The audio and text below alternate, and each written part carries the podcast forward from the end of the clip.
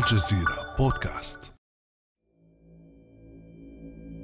بخطى متثاقلة اتجه رجل أربعيني إلى قاعة التمريض سحب كرسيا وجلس يراقب تحركات طبيبة استقبلته بابتسامة لكن نظره كان مثبتا على حقنة في يدها.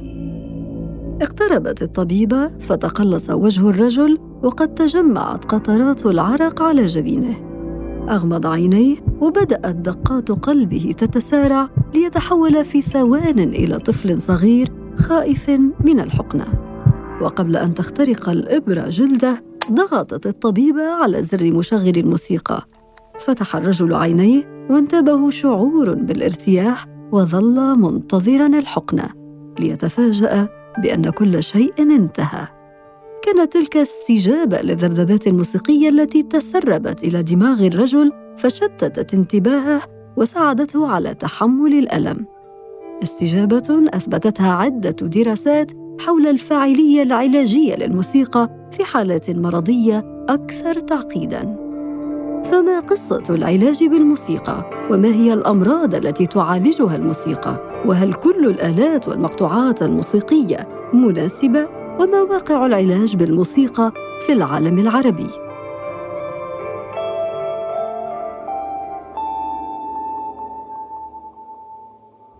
بعد أمس من الجزيرة بودكاست أنا أمان العريسي.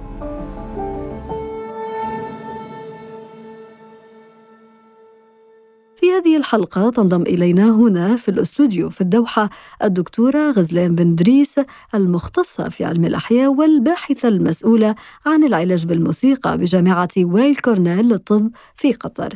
أهلا وسهلا بك دكتورة غزلان. أهلا وسهلا شكرا. في البداية دكتورة غزلان خليني أشكرك على قبول الدعوة وأشكرك كمان لأنه أنت جيتي ومش لحالك. يعني هذه مفاجأة للمستمعين لأنه ضيفتنا هي دكتورة ومختصة في العلاج بالموسيقى وكمان هي عازفة لسه بتدرس الصراحة ولكن عازفة على آلتها المفضلة اللي هي الناي. سنستمع لبعض المقطوعات أكيد صح؟ إن شاء الله راح أحاول. دكتورة غزلان خلينا نبدأ بتوضيح مفهوم العلاج بالموسيقى. ما هو؟ نعم فعلا هذا سؤال كثير مهم.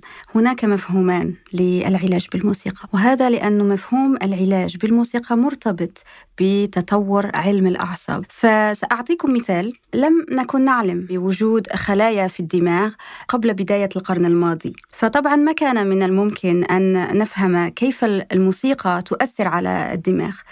وكان علماء القرن العاشر مثل الفارابي والرازي وابن سينا والعديد من الأطباء العثمانيون يبنون استنتاجاتهم على الملاحظات فقط.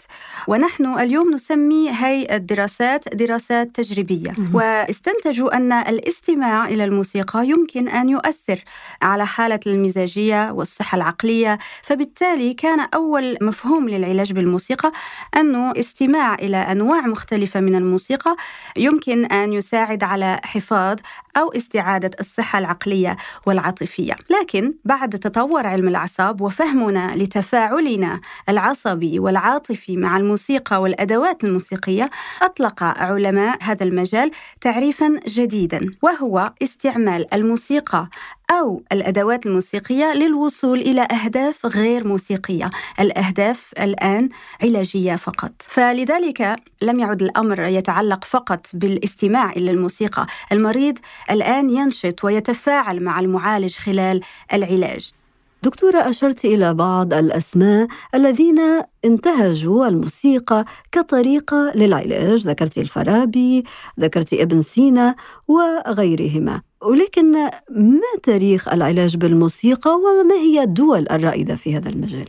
استخدمت الأصوات في العلاج منذ عصر اليونانية ولعبت الموسيقى العلاجية دورا مهما في الشرق الأوسط حتى أن كان عندهم مستشفيات تسمى بالبيمارستان خاصة للأمراض العقلية.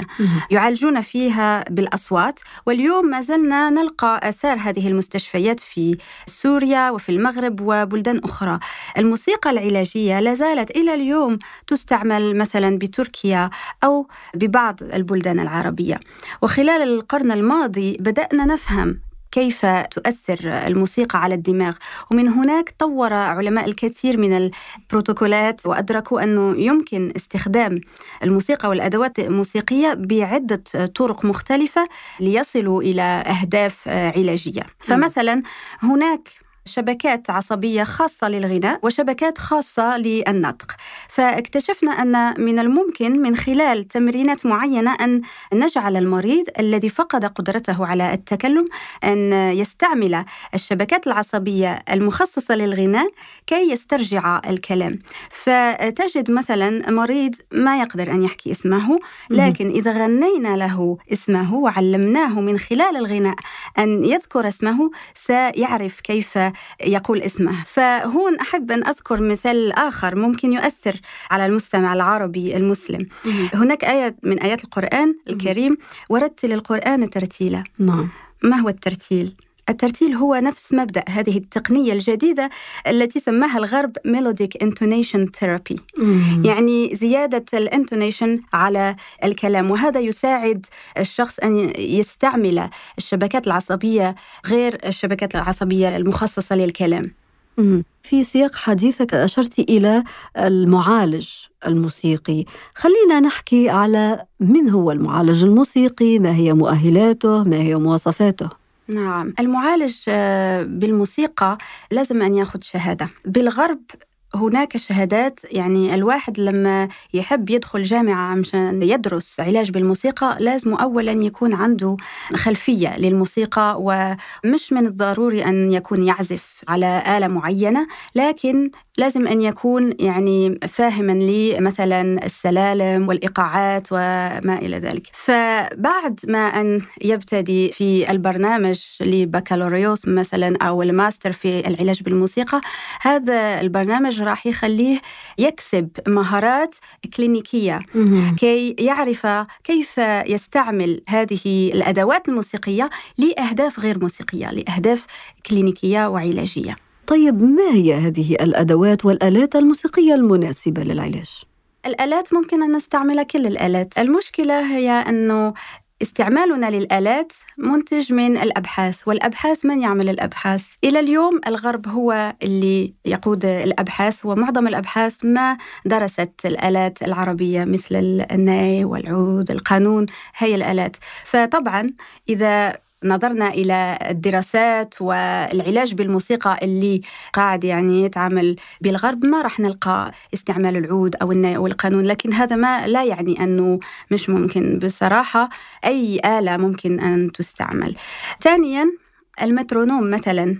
هذا يعني ليس آلة موسيقية لكن يعمل إيقاع.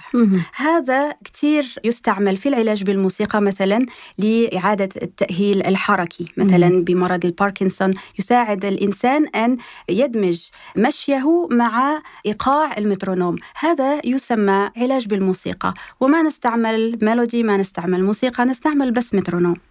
على ذكر التأهيل الحركي دكتورة غزلان خلال بحثي وكان بحثا شيقا الحقيقة حول هذا الموضوع شد انتباهي جلسة علاج لطفل مصاب بتوحد وكانت والدته خلال هذه الجلسة تحاول في البداية بصعوبة أنها تثبته على كان هناك مثل الكنباية أو السرير تحاول أنها تثبته وتساعده على أنه يحرك أطرافه وفور بداية العزف على آلة البيانو البيانو للمعالجة الموسيقية كانت موجودة بدأ الطفل يعني يحرك بشكل أكثر انسجاما أطرافه بشكل منتظم قليلا يعني مقارنة بالبداية. خلينا نستمع دكتورة لمقطع من هذه الجلسة العلاجية.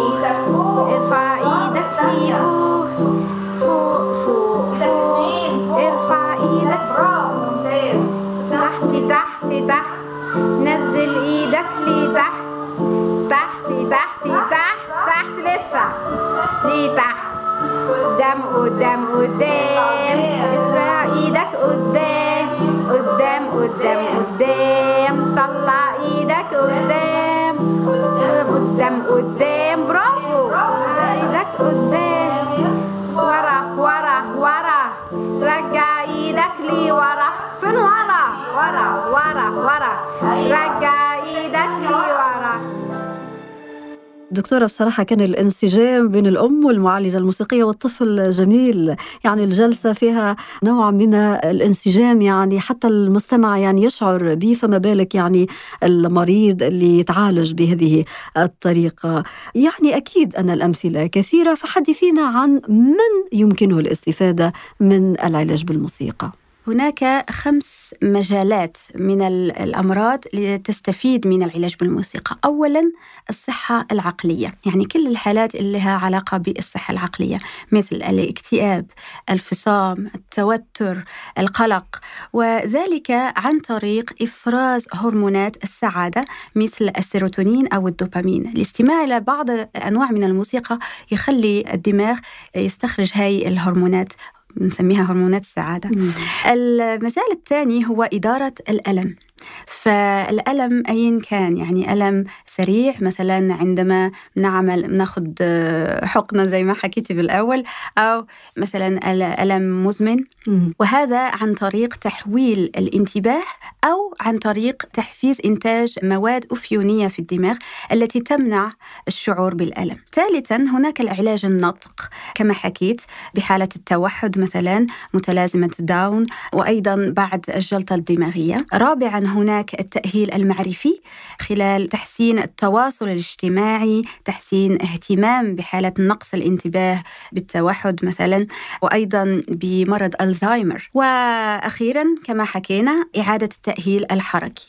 صراحة يعني كل هذه الأمراض التي ذكرتها دكتورة غزلان يعني تثير الانتباه يعني الموسيقى قادرة على معالجة كل هذه الأمراض. طب كيف يمكن تحديد احتياجات المريض واختيار الموسيقى؟ هناك نوعان من العلاج بالموسيقى العلاج التفاعلي وهذا يتطلب معرفة عميقة عن علوم الأعصاب والتدخل الكلينيكي وهناك العلاج بالموسيقى الاستقبالي حيث المريض يستمع فقط إلى الموسيقى. لكن المعالج الحامل للشهادة هو الذي سيعرف أن يختار نوع الموسيقى ووقت الزمن يعني متى راح يحط هذه الموسيقى قوة الصوت الذي سيستعمل. يعني كيف يحدد ذلك في الأمراض العادية؟ تحليل دم أعرف يعني مستوى الكوليسترول مستوى السكر في الدم وغيره.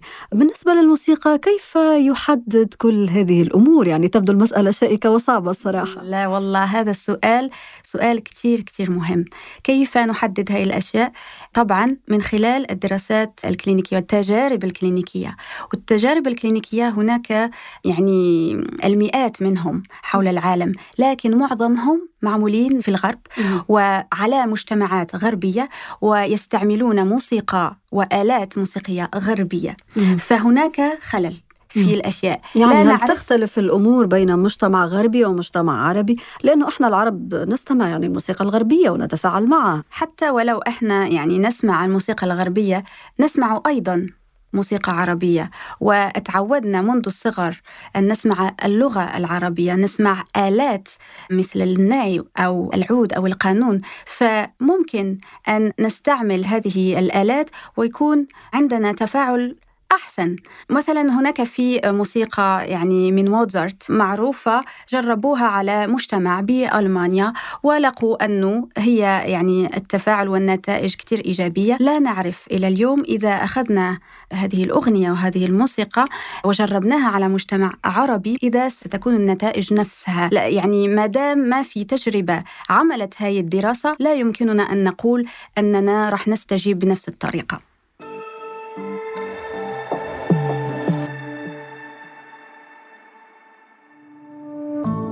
ابقى على تواصل مستمر مع الجزيرة بودكاست ولا تنسى تفعيل زر الاشتراك الموجود على تطبيقك لتصلك الحلقة يومياً.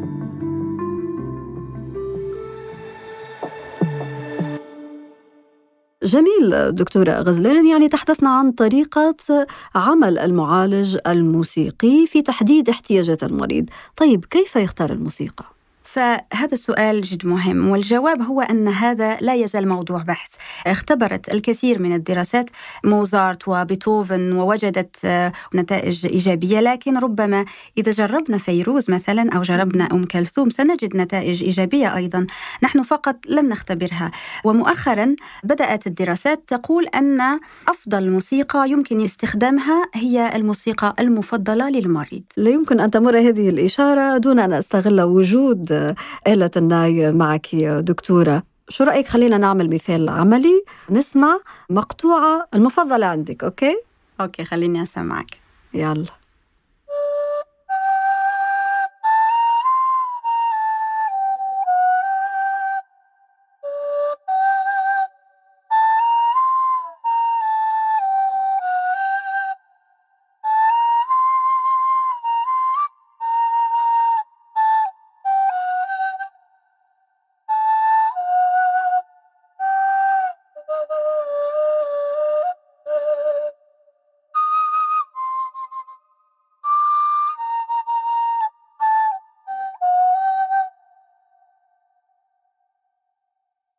شكرا لك على هذه المعزوفة الجميلة أعتقد أنه مستمعينا الآن كلهم تفاعلوا لسنا في حصة علاج أه؟ طيب دكتورة تحدثنا عن اختيار الموسيقى عن كيف يعمل المعالج في تحديد الاحتياجات خلينا في نقطة الاحتياجات بالذات كيف يتم تحديد يعني هناك وصفة طبية مثلا؟ طبعا هذا هو الجواب.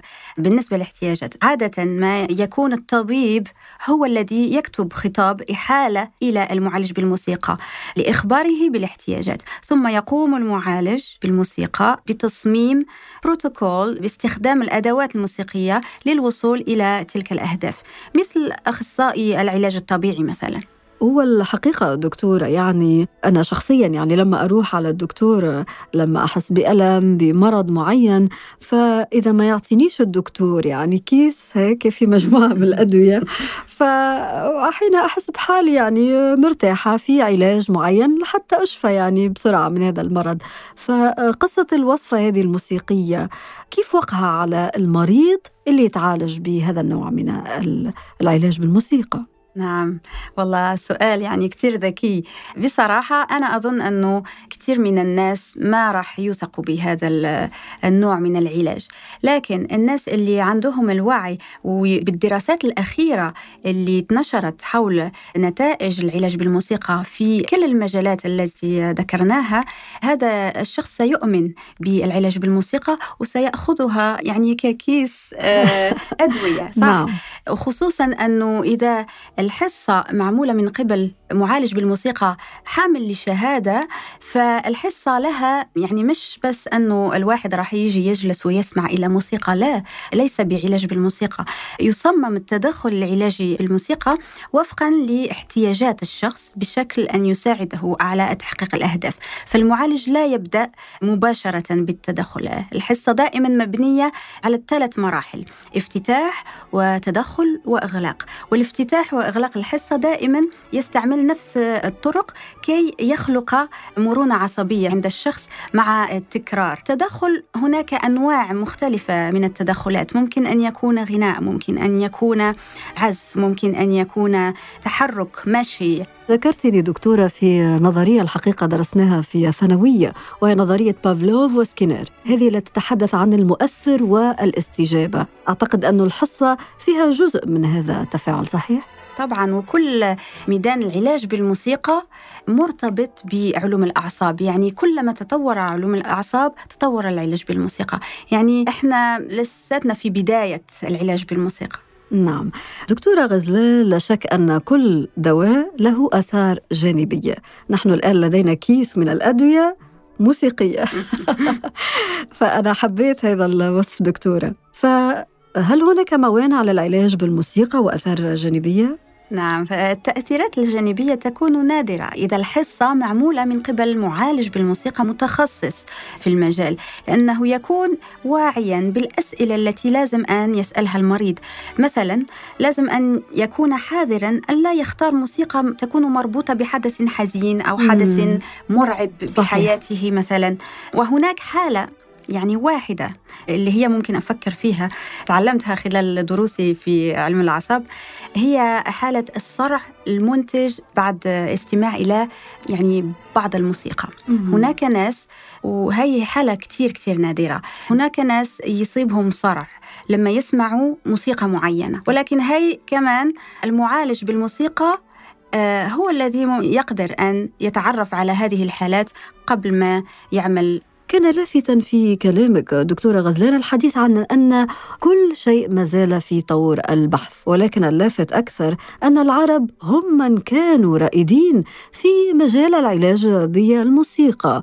ولكن هذا المجال تم تجاهله لأسباب قد تحدثين عنها فيما بعد. خلينا نعرف دكتورة منك ما مدى انتشار العلاج بالموسيقى في دولنا العربية. على مستوى الوطن العربي حاليا هناك جامعة اليرموك بعمان في الأردن. أنشأت شهادة بكالوريوس في العلاج بالموسيقى واللي تخرجت منها المعالجة المشهورة بعمان الآنسة رولا البرغوثي. كنت آه، استدعيتها ب 2019 لنبتدئ دورات تعليمية في العلاج بالموسيقى بقطر. وهناك أيضا جامعة بالقاهرة فتحت قبل سنتين برنامج بكالوريوس أيضا في العلاج بالموسيقى. بما أنك أشرتي لقطر دكتورة غزلان أنت باحثة في هذا المجال منذ سنوات تعملين في تعزيز الوعي بأهمية العلاج بالموسيقى أين وصلت أبحاثك؟ الجامعة اللي أشتغل فيها والكورنيل للطب قطر قبل سنتين نشرت استبيانا عبر الشبكات الاجتماعية بقطر وهذا الاستبيان كان هدفه أن أعرف ما هو مفهوم العلاج بالموسيقى بقطر وإذا كان الناس سيستقبلون فكرة إذا كان العلاج بالموسيقى متاح بقطر. استجاب أكثر من 200 شخص والنتيجة كانت أن فعلا الناس لديها مفهوم المفهوم القديم للعلاج بالموسيقى. آه، معظم الناس ما كانت تعرف أن العلاج بالموسيقى ممكن أن يحل مشاكل النطق مثلا مشاكل المشي مشاكل التركيز. فبعد ما شرحت في الاستبيان أن العلاج بالموسيقى هو الاستعمال الموسيقى لكن لأهداف غير موسيقية سألتهم. سألت إذا كان هناك علاج بالموسيقى متاح بقطر إذا سيمنعون أنفسهم من الاستفادة من هذا النوع من العلاج لأسباب مثلا دينية. وتفاجأت أنه أكثر من 80% قالوا لا لن نمنع أنفسنا. إذا الهدف هو علاجي طبعا.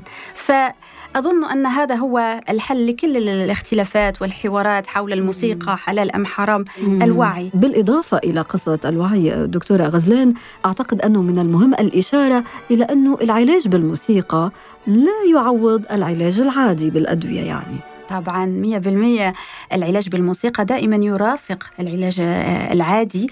وممكن أنه فيما بعد آه، لأنه في هناك حوار ما بين المعالج بالموسيقى والطبيب. فممكن أن ينتهي الأمر في تقليل الأدوية. نعم.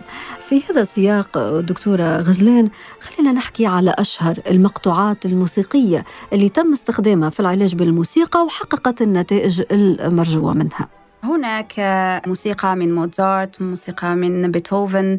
أيضا هناك أغاني راح أنا أتفاجأت لما شفت هاي الأغاني في دراسات التجارب الكلينيكية. نولوين. هي مغنية يعني حديثة بفرنسا في دار مسنين بالولايات المتحدة. بالصدفة كانوا يشغلون أغنية من أغاني نولوين بطبق من طوابق دار المسنين. لاحظوا أنه المرضى اللي كانوا يعني عايشين في هذاك الطبق كانوا يتحكمون أكثر في حركاتهم ويعني نسبة السقوط كانت أقل بكثير من الذين يعني كانوا في طبق مختلف. فعملوا دراسة تجريبية كلينيكية كي يتأكدوا من الأمر ما إذا هي صدفة أو إذا فعلا من أغنية نولوين. ولقوا أنه فعلا هي أغنية من نولوين. يعني تساعد يعني المسنين. فعلت ما لم تفعله جلسات التدليك يعني. ما شاء الله. ولماذا؟ لأنه هاي الأغنية كانت فيها يعني إيقاعات معينة فالمرضى كانوا يندمجون أكثر مع الإيقاع. فيتحكمون أكثر على حركاتهم. في الختام دكتورة غزلان الموسيقى كما يقول أحمد ابن عبد ربه الشاعر الأندلسي في كتابه العقد الفريد يقول إن الموسيقى هي الصوت الحسن يسري في الجسم ويجري في العروق فيصفو الدم ويرتاح له القلب وتهش له النفس وتهتز الجوارح وتخف الحركات. جميل هذا ما شاء الله. كيف يمكن لنا كأفراد دكتورة الاستفادة من الموسيقى وتأثيرها في حياتنا؟ نعم أظن أن الكل جرب هذا الإحساس خصوصا خلال جائحة كورونا والعزلة التي مرينا بها شفنا دور الموسيقى في تثبيت الصلة ما بين الناس وفي القدرة على التحمل وفي الصحة العقلية ذكرتيني هنا في مشاهد لما كان في الحجر في إيطاليا نعم. أو فرنسا أيضا كانت الناس تعزف موسيقى من البلكونات يعني نعم حتى بقطر مع بعض.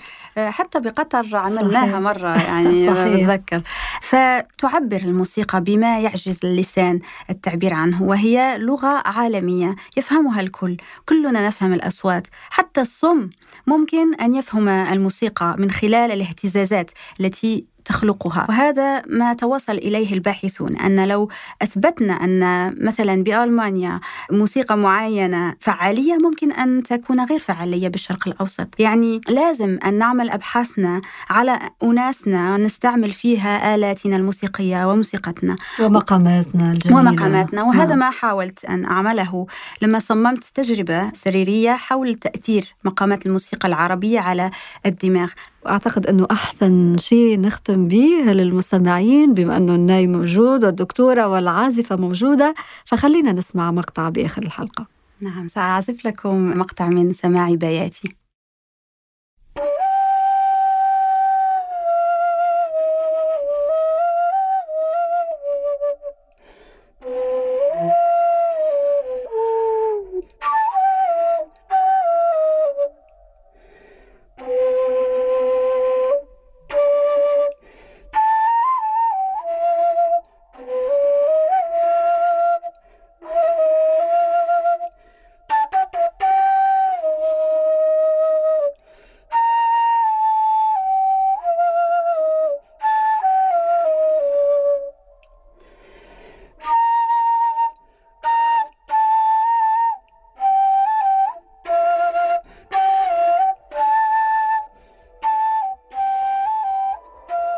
ما شاء الله دكتورة وعازفة.